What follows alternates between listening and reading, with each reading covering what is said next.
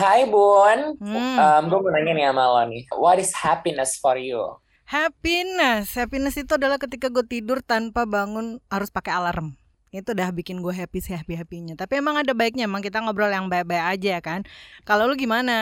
Kalau gue sederhana sih, ketika every member of BTS baru aja bikin Instagram account, duh, itu rasanya Oh. kayak semakin dekat gitu, bisa langsung ngeliat Opa Jimin secara jelas selfie-nya nampak sampai pori-pori terdalamnya tuh, aduh. Iya iya. Jadi kita makin up close dan personal ya, antar fans dan mereka pastinya. Plus, more the merrier. Anyway, makin rame makin asik kayak kita hari ini pastinya. Karena hari ini kita nggak cuma berdua nih, ada gue Ian Hugen, Dan saya Aika, episode kali ini kita akan collab sama teman-teman dari podcast Hamburger.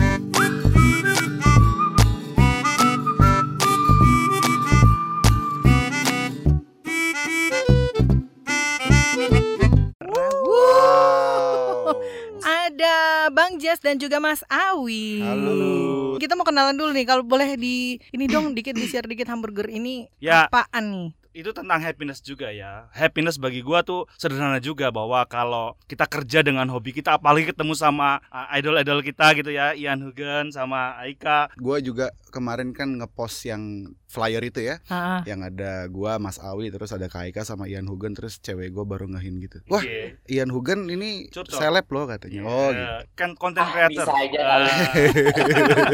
oh ya, tapi platform kita itu Hmm. adalah ruang terbuka sebenarnya. Siapa aja boleh nongkrong untuk ngomongin isu hari-hari yang mungkin rame digunjingin netizen maha benar itu dalam kacamata atau perspektif hak asasi manusia. Selama ini kan orang kalau ngomongin isu hak asasi manusia seolah-olah isu yang eksklusif gitu, isu yang Hmm. tinggi, ndaki-ndaki segala macem, fafifu was was was lah.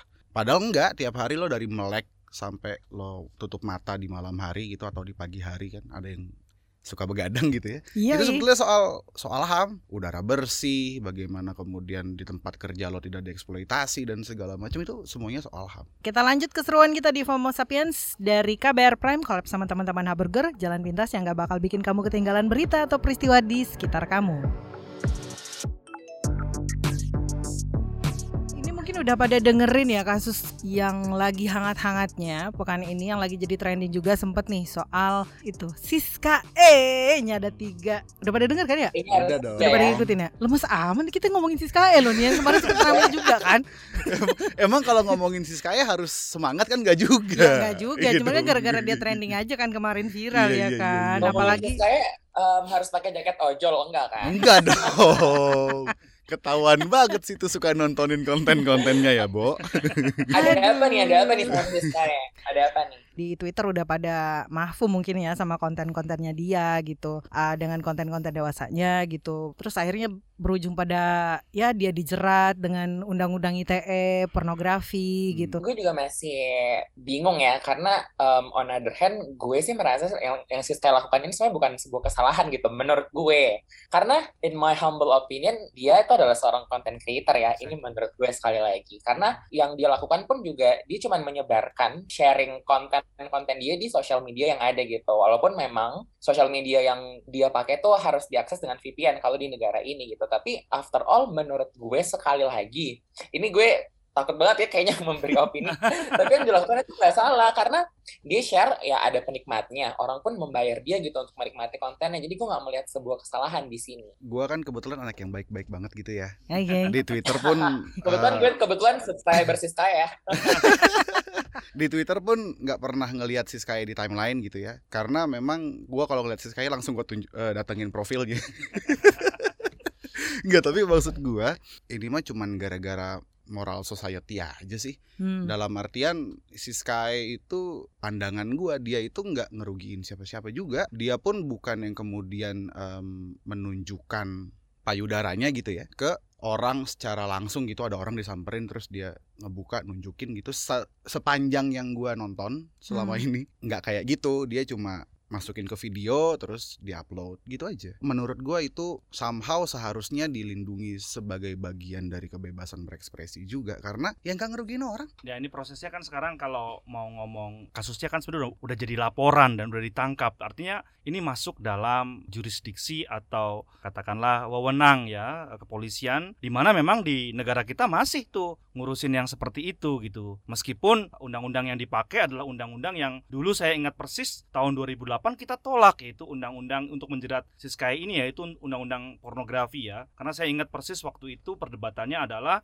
undang-undang ini cukup bias tafsir keagamaan dalam melihat tubuh dan ketelanjangan. Ini Indonesia tuh punya beragam ekspresi tentang kebertubuhan ya yang dari Aceh sampai Papua itu gradasinya itu macam-macam sehingga ketika dipaksakan dengan satu cara pandang moral seperti itu, kalau mau fair-fairan ada banyak banget yang bisa kena gitu dengan Hmm. katakanlah ketelanjangan di Indonesia itu eh, satu hal yang khususnya di Indonesia Timur ya menjadi hal yang keseharian gitu ya orang katakanlah menggunakan koteka nggak pakai BH dan sebagainya itu eh, satu hal yang masih menjadi katakanlah keseharian kita gitu masih ada gitu dan masih hidup di sana. Kemudian kan yang menjadi soal di sini adalah ketika Siskaya kok rame ya kan? Nah ini kan ada peran gendernya yang dieksploitasi. Ketika ada banyak pelaku eksibisionis yang lain misalkan laki-laki gitu ya kok kok nggak seperti dieksploitasi terus? Kemudian dikaitkan dengan keagamaannya kemudian juga macam-macam lah. Tentu publik kita senang dengan konsumsi pemberitaan yang yang semacam ini. Tapi kalau kita lihat ya memang sekarang sudah masuk ranah hukum, di kita masih ada KUHP dan tentu saja saya nggak mau menggunakan undang-undang pornografi karena itu produk yang kita tolak.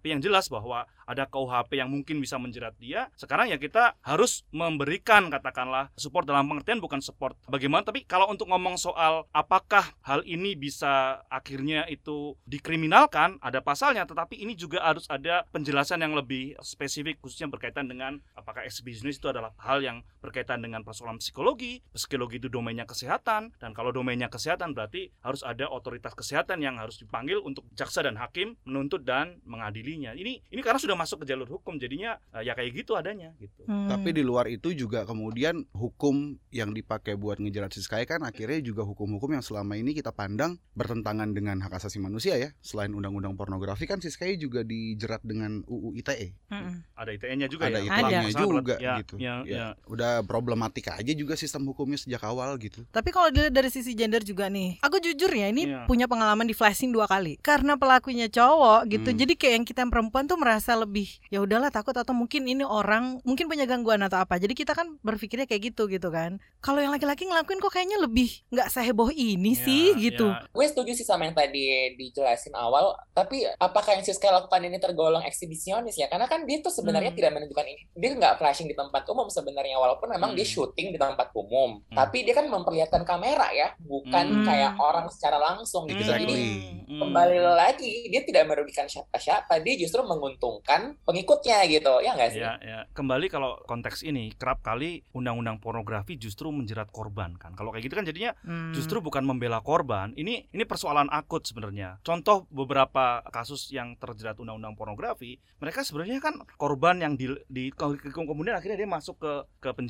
Ariel misalkan dulu Hmm. kasusnya kan Hmm. ada yang Iya. yang, yang membocorkan. Sementara pelaku ini nggak nggak nggak ketahuan dan itu sebenarnya juga nggak dilakukan dengan konsen berdua dengan pasangannya gitu ya. Tapi kemudian nggak bisa menjerat justru pelaku yang membocorkan tapi justru itu kena. Jadi memang ini juga semakin menguatkan bahwa undang-undang pornografi ini memang tidak membela korban dalam hal ini ya. menyambung tadi yang disampaikan sama Ian gitu soal kalau kita lihat kasusnya Siska kan belum bisa dipastikan nih apakah memang Siska ini eksibisionis ataukah hanya sekedar tuntutan konten-konten aja yang udah dibuat kan sebelumnya. Apakah mungkin misalnya Siska ini sengaja ingin branding gitu misalnya? Atau memang ada hal-hal yang mendasari perbuatannya gitu? Seperti ada dugaan sebagai ODGJ gitu misalnya orang dengan gangguan jiwa gitu. Ini kan kalau menurutnya pemeriksaan psikolog dari eh, kepolisian ya yang Polda DI ya yang menyatakan itu ditemukan adanya trauma masa lalu gitu yang Hmm, membuat hmm. dia eh, memiliki perilaku menyimpang gitu yang akhirnya berakhir ke motif ekonomi. Itu katanya polisi sih gitu ya Balik lagi ya kalau sudah jadi urusan di formal ya akhirnya kita harus kuat-kuatan di barang bukti dan dan konteksnya. Bisa nggak melihat sistem hukum kita melihat nggak cuman apa yang ada tapi latar belakangnya bisa diungkap nggak? Kalau gagal mengungkap itu semua akhirnya orang macam Siskaya juga bisa kena gitu karena hukum kita nggak bisa ngelihat secara utuh problemnya Tapi ini aneh banget sih kayak giliran kayak bentukan si Sky aja cepet banget ditangkap. Ya kan? Banget. Wah, kriminal yang benar-benar merugikan banyak orang kok lama banget Iya, geraknya. Aduh, iya. gemes gitu. Iya. Makanya yang kayak tadi gue bilang Ah. sebetulnya kasus Siskaya hari ini mungkin jadi masalah gara-gara ada soal-soal yang terkait moral publik gitu ya. Terus diakomodir lewat UU pornografi, lewat KUHP dan segala macam masalahnya. Apakah kita kemudian mau sepakat dengan hukum tersebut atau enggak? Karena di sisi lain memang hal ini juga bisa dilihat sebagai yang tadi gue bilang di awal kebebasan berekspresi. Dan toh dalam hal ini lagi-lagi Siskaya nggak merugikan orang lain. gue jadi jadi jadi curiga kan bawaannya tuh curigation gitu kalau ada yang kayak gini gini gini kok cepet banget gitu Iya, nah ini yang jadi penting ini. pengalihan yang isu itu loh yang soal Nah, bandara kan ya. Oh iya benar. iya kan bisa jadi Nah, ini lebih Saya. wartawan memang matanya lebih di mana-mana kan. enggak kita suka suzon aja gitu kalau ada begini-begini Tapi by the way kalau misalnya pun ini dibilang soal um, eksibisionisme dan lain sebagainya, ini kan sebenarnya kayak something that she do. Ini tuh sebenarnya pekerjaan aja kan sebagai seorang content Content creator atau creator. apa pun itu. Nah, Ya. yang gue penasaran apakah di, si Sky ini tergolong pekerja seks apa gimana ya? Kalau eh, menurut gua ya di Indonesia itu pekerjaan kan seolah-olah harus ada bobot moralnya. Ada pekerjaan yang dibolehkan gara-gara punya moral, ada pekerjaan yang dianggap amoral. Padahal orang melakukan pekerjaan kan ya itu adalah menurut gua ya survivor untuk menghidupi dirinya dan keluarga itu tentu ada moral. Pasti orang melakukan pekerjaan itu ada moralnya. Tapi di Indonesia ada kategori-kategori di mana yang seperti itu dianggap sebagai tidak bermoral dan hak pekerjanya itu nggak bisa dipenuhi. Hmm. Misalkan kejadian misalkan eh, ini isu pekerja seks misalkan katakanlah satu kesepakatan dengan klien gitu ya di dalam satu kamar gitu ya kliennya menyalahi kesepakatan nggak mau pakai pengaman kemudian melakukan abuse ya kekerasan dan macam-macam itu kemudian ketika dia mau menuntut ke mana ini nggak sesuai perjanjian karena memang persoalan di sini hal seperti itu belum dianggap sebagai satu pekerjaan di mana hak hak pekerjaannya nggak bisa dipenuhi dan ini kerentanan juga satu kerentanan un- untuk ngomong soal isu pekerja seks ya Dalam memaparkan contoh kasusnya Mas Awi fasih banget ya. Gue seneng banget memang risetnya mendalam ya Mas ya kayaknya ya Mas. ya. partisipatif Satu hal yang gue sorotin gini, orang kalau lagi ngomongin soal pekerja seks, alah orang itu kok ngapain sih sampai jual diri, jual diri, lalala, lili, li, fa, Hmm. fi, fu, was, wes, wos. Semua orang kerja itu jual diri. Cuman perkara bagian mana yang lo jual. Penyanyi jual pita suara, kuli jual otot. Terus kayak kita gini ya jual suara juga gitu, Hmm. lagi siaran misalkan. You, you name it lah. Semua orang jual diri kok. Cuma perkaranya kalau pekerja seks jual bagian Jual vitalnya, selangkang jual selangkangan. Tapi Hmm. ya emang kenapa? Emang apa yang membedakan pita suara dengan selangkangan sebagai sebuah Yes. organ tubuh? Nggak Hmm. ada kan? Kalau menurut gua, selama patokannya tidak ada yang dirugikan, si pekerja seks komersialnya itu kemudian menjadi seorang pekerja seks dengan concernnya, dengan kesadarannya, kliennya juga dengan senang hati membayar, masalahnya di mana? Meskipun gue juga se- sering menggarisbawahi nih soal pekerja seks komersial. Memang ada pekerja seks non komersial kan gak ada. Iya, gue lebih respect yang 400 ribu bayar PSK daripada dibayar kopi terus ngajak enak-enak. Banyak tuh di Bumble. Eh, Hmm, wow, jadi tahu wow.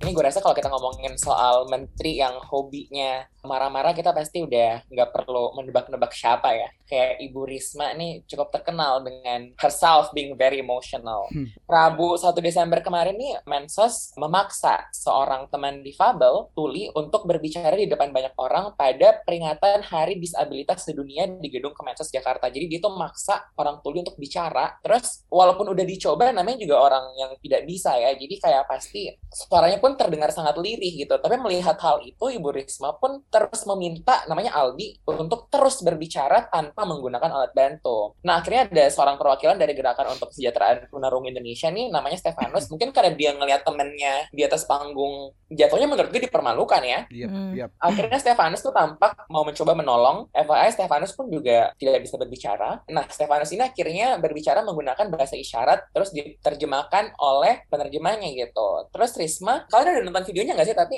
Sempat Iya. sempat iya. Ya, ya. Gua nggak nonton sampai habis karena gua nggak bisa menahan kemarahan dan kesedihan. Jangan ntar jadi ikut-ikutan. Iya. Jadi Makanya gue memilih untuk nggak nonton sampai habis. ketika Stefanus itu lagi membela temannya itu pun Risma juga memotong memotong Stefanus itu Hmm. lagi gitu.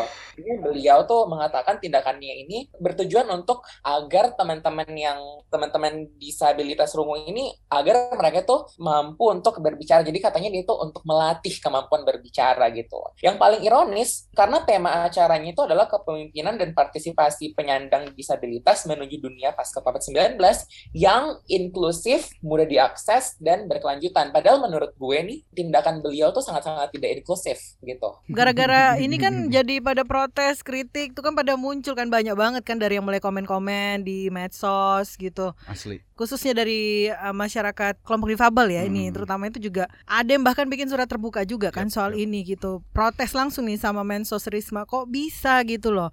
Dan ada sempat juga yang gue liat nih aktivis Tuli Surya Sayat Api tuh sempat dia di IG-nya gitu dia ngasih penjelasan bahwa yang dilakukan si Risma ini bisa tergolong audism gitu ya atau Hmm. pemikiran seseorang yang menganggap orang yang dapat mendengar tuh lebih superior gitu dibandingkan orang tuli. Miris aja gitu gue kayak pas banget di hari peringatan Hari Disabilitas Sedunia gitu. Hmm. Yang di mana diskriminasi harusnya sih udah nggak ada ya nggak sih gitu. Tapi kok ya kejadian aja gitu di bertepatan hari itu kan? Namanya juga NHRI. Apa tuh? Negara harusnya Republik Indonesia.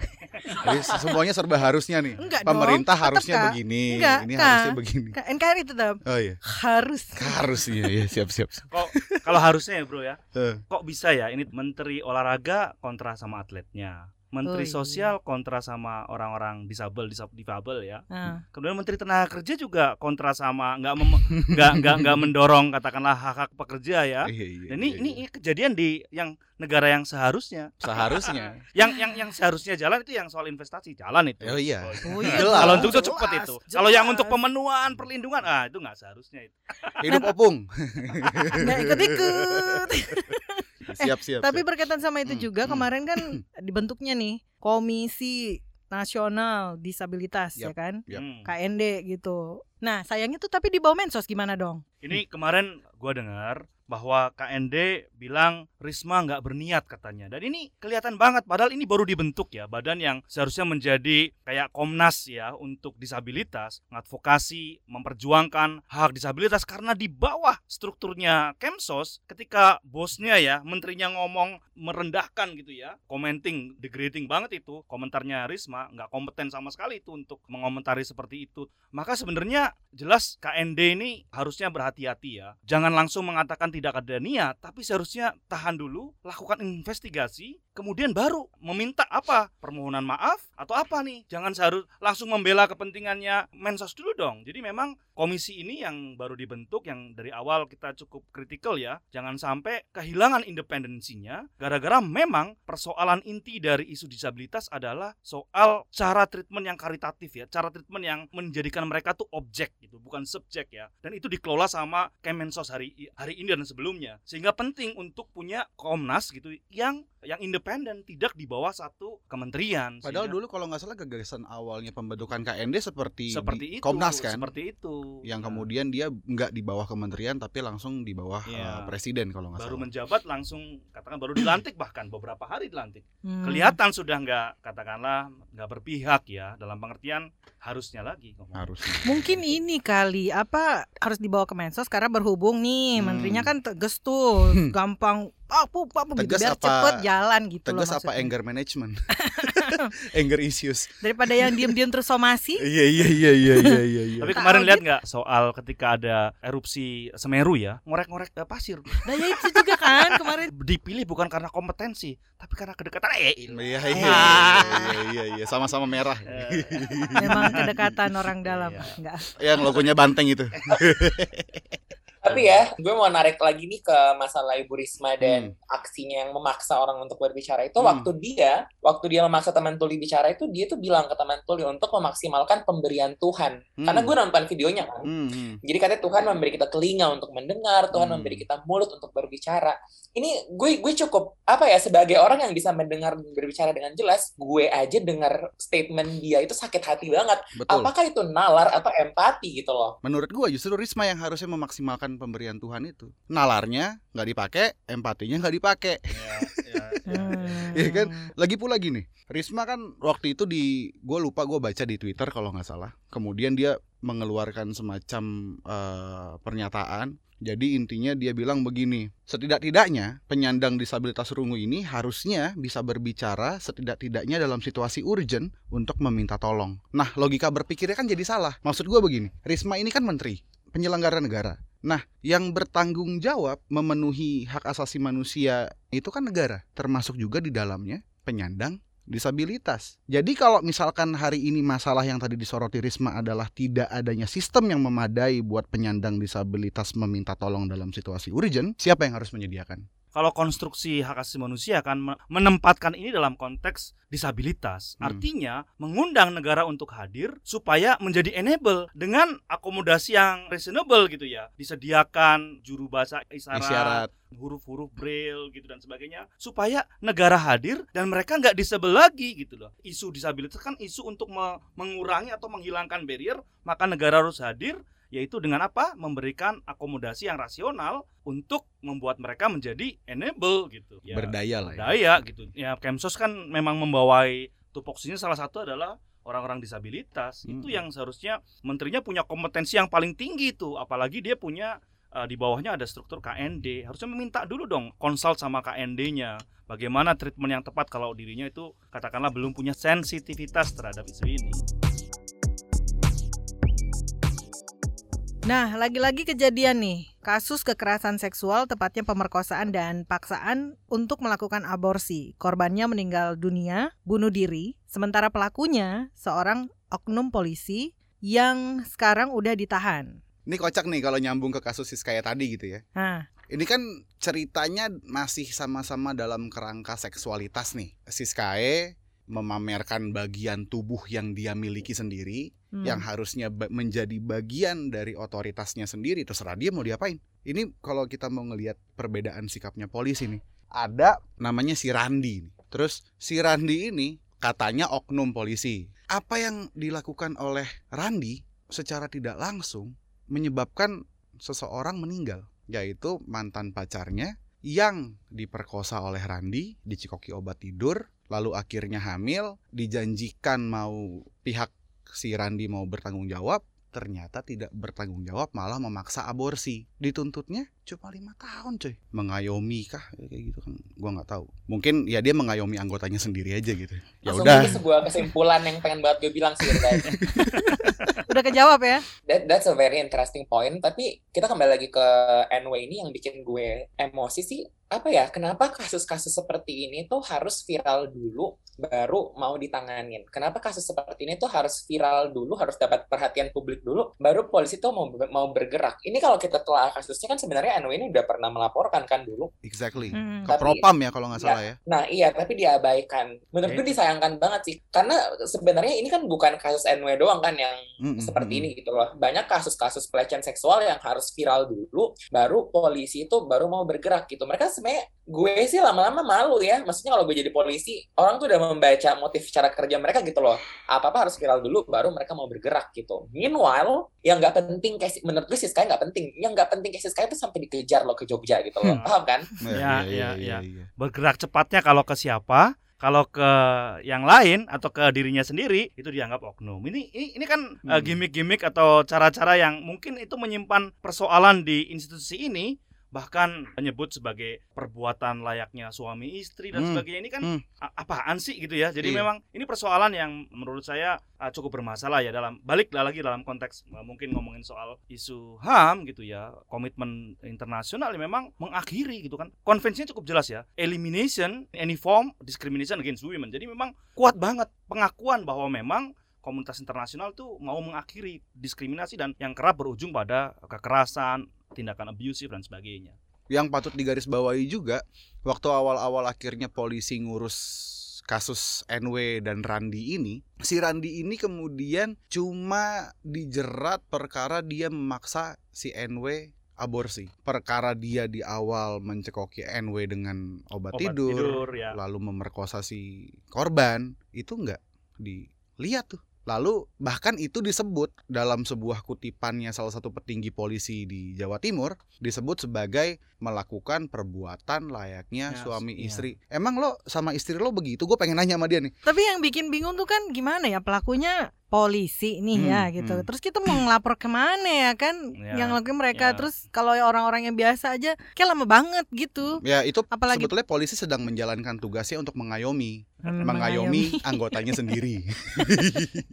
Sebenarnya ada mekanisme di Kompolnas harusnya ya ada Hmm. uh, komisi Polisi uh, nasional, kepolisian nasional. kepolisian Bisa nasional. juga tuh anggota itu dilaporkan ke sana juga sebenarnya. Jadi Hmm. memang ini jelas bahwa bersih-bersih ataupun reformasi di tubuh aparat penegak hukum ya dalam Hmm. hal ini polisi itu benar-benar harus didorong ini. nggak bisa lagi uh, polisi kemudian membiarkan praktek-praktek seperti ini yang justru mencoreng nama baik polisi sendiri ketika anggotanya gitu ya uh, mereka gagal katakanlah malah justru menjadi pelaku tegas misalkan tegas untuk membuktikan komitmen itu kemudian bisa diterima sama masyarakat kalau memang tetap berkilah di balik oknum kemudian sebagainya ini ini saya rasa masyarakat uh, uh, akan cenderung nggak mau lapor kayak tagar yang dulu itu Iya. Nah, ngomongin Hmm. soal tagar yang dulu, ini gue jadi pengen ngomong begini. Jangan-jangan emang ini adalah institusi yang udahlah isinya oknum semua, terus nggak ada belajar-belajarnya pula. Maksud gue begini, itu kan hashtag percuma lapor polisi itu baru sekitar dua atau tiga bulan yang lalu Mm-mm. dengan kasus yang sama, yaitu kasus pemerkosaan. betul Iya kan? Dan ketika sekarang hashtag itu sedang mulai muncul lagi di Twitter, percuma lapor polisi di kasus pemerkosaan juga. Hmm. Jangan-jangan memang ada perspektif yang bermasalah di internal tubuh kepolisian terkait kasus-kasus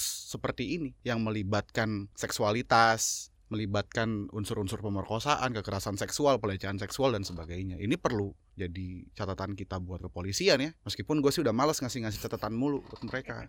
Kira banyak kebanyakan catatan juga pada bingung gimana dia. mana duluan yang mau dikelarin ya kan? Iya. Tapi kayaknya sih pernah dulu ada eh, di zaman Kapolri sebelumnya kalau nggak salah atau sebelumnya lagi gitu ya. Sudah ada kan kayak cara panduan penanganan untuk kasus-kasus kekerasan Hmm, seksual kan hmm. sebenarnya ada. Tapi kenapa ini nggak kemudian diteruskan menjadi semacam hal yang baik gitu ya untuk kemudian di mainstream lagi, kemudian dilatih lagi dan sebagainya dan itu ditegakkan gitu. Ini ini kan satu agenda besar sebenarnya Hmm. bagaimana penanganannya. Kadang korban itu berkali-kali diperkosa gitu ya. Yap, Sudah diperkosa, kemudian kadang-kadang diekspos identitasnya, kemudian ngundang wartawan dan sebagainya. Kadang-kadang wartawannya juga nggak punya perspektif gender Iya, gitu, kemudian exactly. diekspos dan dia kemudian diperkosa berkali-kali, Berkali-kali. termasuk juga ketika dalam proses BAP dan Mm-mm. sebagainya. Ini ini sebenarnya guideline ya untuk memproses kemudian untuk menyelesaikan kasus-kasus ini harus harus harus harus ditunjukkan gitu ya sebagai jawaban atas pertanyaan publik selama ini terhadap institusi ini. Nggak jarang kok korban pemerkosaan atau korban pelecehan seksual ketika lapor polisi malah ditanya balik. Tapi kamu menikmati kan? Tapi Ya. enak kan? Nah, iya. Nah ini Hmm. ini kan perasaan-perasaan yang kemudian akhirnya jadi kemudian Jangan lupa jangan lupa Mas pakai baju apa? Ya, Pakai baju apa? mengundang. Iya. Makanya resahkan RUU PKS ini PKS. sebagai satu pintu masuk yang untuk norm settingnya tuh tinggi dulu gitu ya. Kan 10 Desember nih, bertepatan juga hari hari terakhir ya rangkaian 16 hari anti kekerasan terhadap perempuan dan mungkin kasus NW ini dan banyak kasus-kasus lainnya yang belum kelar nih bisa jadi momen juga kali ya untuk amplifikasi upaya penghapusan segala bentuk kekerasan gitu terhadap Ya. perempuan. Selamat Hari HAM juga tentunya. Ngomongin soal pemerkosaan berkali-kali dan bahkan ditanyain polisi victim blaming lah ya Hmm, istilahnya. Tidak jarang juga misalnya di kasus si NW ini. Biasanya kan kalau kasus-kasus pemerkosaan lain cuman sekedar ditanya, bukan cuman ya, ditanyain balik gitu. Pas kejadian pakai baju apa. Yap. Nah, net- netizen-netizen ini bahkan di kasusnya NW ini justru malah bisa dibilang menyalahkan NW ya kenapa bunuh diri gitu Hmm. Dari Komnas Perempuan pun sebenarnya mencatat kalau banyak korban yang akhirnya enggan dan takut untuk speak up karena Hmm. ya itu karena adanya viktimisasi sekunder atau bahkan berlipat gitu. Seperti yang dialami NW, dia udah diperkosa, terus akhirnya itu yang pertama, kedua dia ditolak dengan keluarga keluar keluarga cowoknya gitu loh. Terus Keluarga si akhirnya dia juga exactly terus dia akhirnya juga dijahatin sama keluarga dia sendiri gitu. Hmm. jadi begitu banyak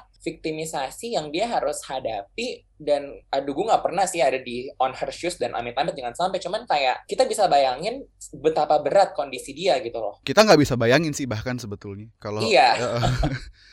tidak pernah ada pembelajaran dari pihak yang berwenang bagaimana cara menangani masalah-masalah ini dengan proper. Tidak pernah ada dan bahkan di data yang kita sama-sama tahu bukan cuma Randi doang polisi yang melakukan tindakan-tindakan Hmm. seperti itu banyak polisi yang melakukan seperti itu hanya Randi mungkin istilahnya apa tuh puncak gunung es aja yang Ya, kelihatan fenomena puncak Hmm. gunung Ah. es ya. Kalau ngelihat rilisnya Komnas HAM ya, April eh, tahun ini, mereka mencatat nih, sekali lagi soal catatan juga, ada 1122 aduan pelanggaran HAM yang itu dilakukan oleh aparat kepolisian dan ini kan PR banyak gitu, PR-PR banget gitu bahwa memang ini akumulatif. Ini Hmm. polisi yang seharusnya menjadi garda terdepan untuk penghormatan, perlindungan dan pemenuhan malah jadi pelaku pertama. Ini kan krisis di tubuh kepolisian yang mana Komnas HAM sendiri dalam catatannya yang paling pelaku pelanggaran yang paling paling banyak dicatat salah satunya adalah polisi. Ini kan bukti ya bahwa itu hanya satu fenomena dari puncak gunung es ya. Soal Hmm. kalau kita bicara juga dari kasusnya eh, apa yang dialami sama NW ini kan Mhm. bentuk kekerasan eh, dalam berpacaran kan, Yap. dalam pacaran kan. Lantas ini kan tindakan yang sangat-sangat merugikan gitu bagi salah satu pihak ya seperti apa yang eh, berakhir begitu tragis dan itu sangat-sangat bikin kita apa marah sampai speechless lah gitu ya. Dari Komnas Perempuan juga sampai dari 2015 sampai 2020 itu ada 12 ribuan gitu kasus kekerasan terhadap perempuan KS ya, ya.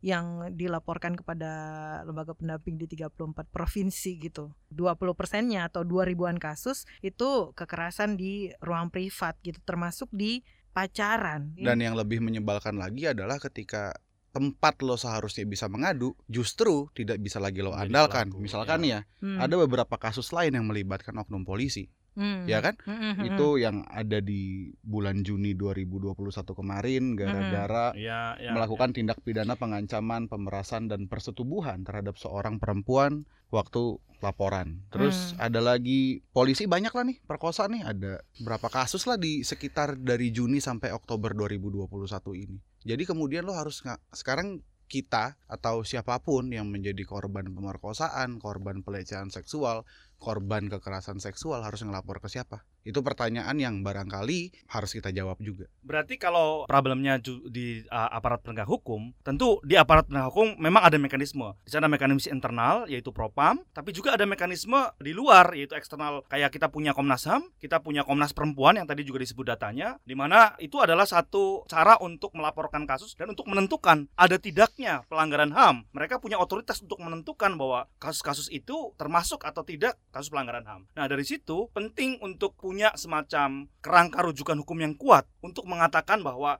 selain itu adalah satu pengabaian atau pengurangan penikmatan HAM, di sisi yang lain ada unsur pidananya, ada unsur eh, kriminal yang bisa dituntut. Kalau kita punya kekuatan hukum ya yang cukup kuat gitu, tidak hanya soal terjadinya perkosaan gitu ya, tapi juga soal-soal yang lain, enabling environment kan sebenarnya didorong untuk diatur gitu ya, karena ini ngomongin soal nggak cuma sekedar kejadiannya saja, tapi juga pencegahannya dan sebagainya. Maka penting untuk mendorong RUU PKS ini dijadikan supaya jelas untuk memproses pelaku, tapi at, the same time juga untuk mendorong masyarakat lebih ramah ya terhadap uh, perempuan dan sebagainya dan melawan kekerasan seksual. 10 Desember 2021 kita peringati Hari Hak Asasi Manusia Sedunia nih. Dalam UUD pasal 28I ayat 2 sudah jelas tertulis nih, setiap orang berhak bebas dari perlakuan yang bersifat diskriminatif atas dasar apa pun dan berhak mendapat perlindungan terhadap perlakuan yang bersifat diskriminatif itu. Tapi nih ya, rasa-rasanya belum secara penuh dia ditegakkan, misalnya orang-orang queer atau minoritas seksual dan Hmm. gender gitu. Masih aja tahu mereka didiskriminasi. Contohnya, dipecat gara-gara orientasi seksual. Ini juga sebenarnya dari kelompok itu kan gitu, memecat anggota karena ketahuan gay gitu misalnya. Polisi maksudnya. Oh, no. gue gak mau sebut sih, Oh, tapi lo buka aja sendiri. Lagian dalam Undang-Undang Dasar 45 kan ditegaskan bahwa setiap orang mempunyai hak dan kebebasan. Itu termasuk kebebasan berekspresi dalam artian gender dan orientasi seksual kan? Nah, itu kalau kita berbicara soal gender dan seksualitas gitu ya. Ada juga sisi yang lain ketika berbicara pelanggaran HAM di Indonesia aja nih, yang berat-berat itu kan belum pada kelar tuh. Kayak misalnya ada 12 pelanggaran HAM berat yang di tahap penyelidikan tuh kayak peristiwa 6566, terus penembakan misterius, ada Talang Sari, Trisakti, Semanggi 1, Semanggi 2, kerusuhan Mei 98 dan Paniai gitu ya, Wasior Wamena gitu di Papua. Lalu ada tiga yang pelanggaran HAM berat sudah diadili kayak peristiwa Tanjung Priok, lalu peristiwa Timur Timur sama Abipura 2000 banyak banget PR pelanggaran HAM ini kasusnya kan ah udah dari tahun Yoi. kapan banget gitu sampai sekarang belum ke mana-mana nih. Ya dan sebetulnya masih ada satu lagi tambahan PR yang harusnya masuk ke dalam daftar Hmm. tanggal 8 Desember itu. Kalau Munir masih hidup, dia harusnya berumur ya 66 tahun.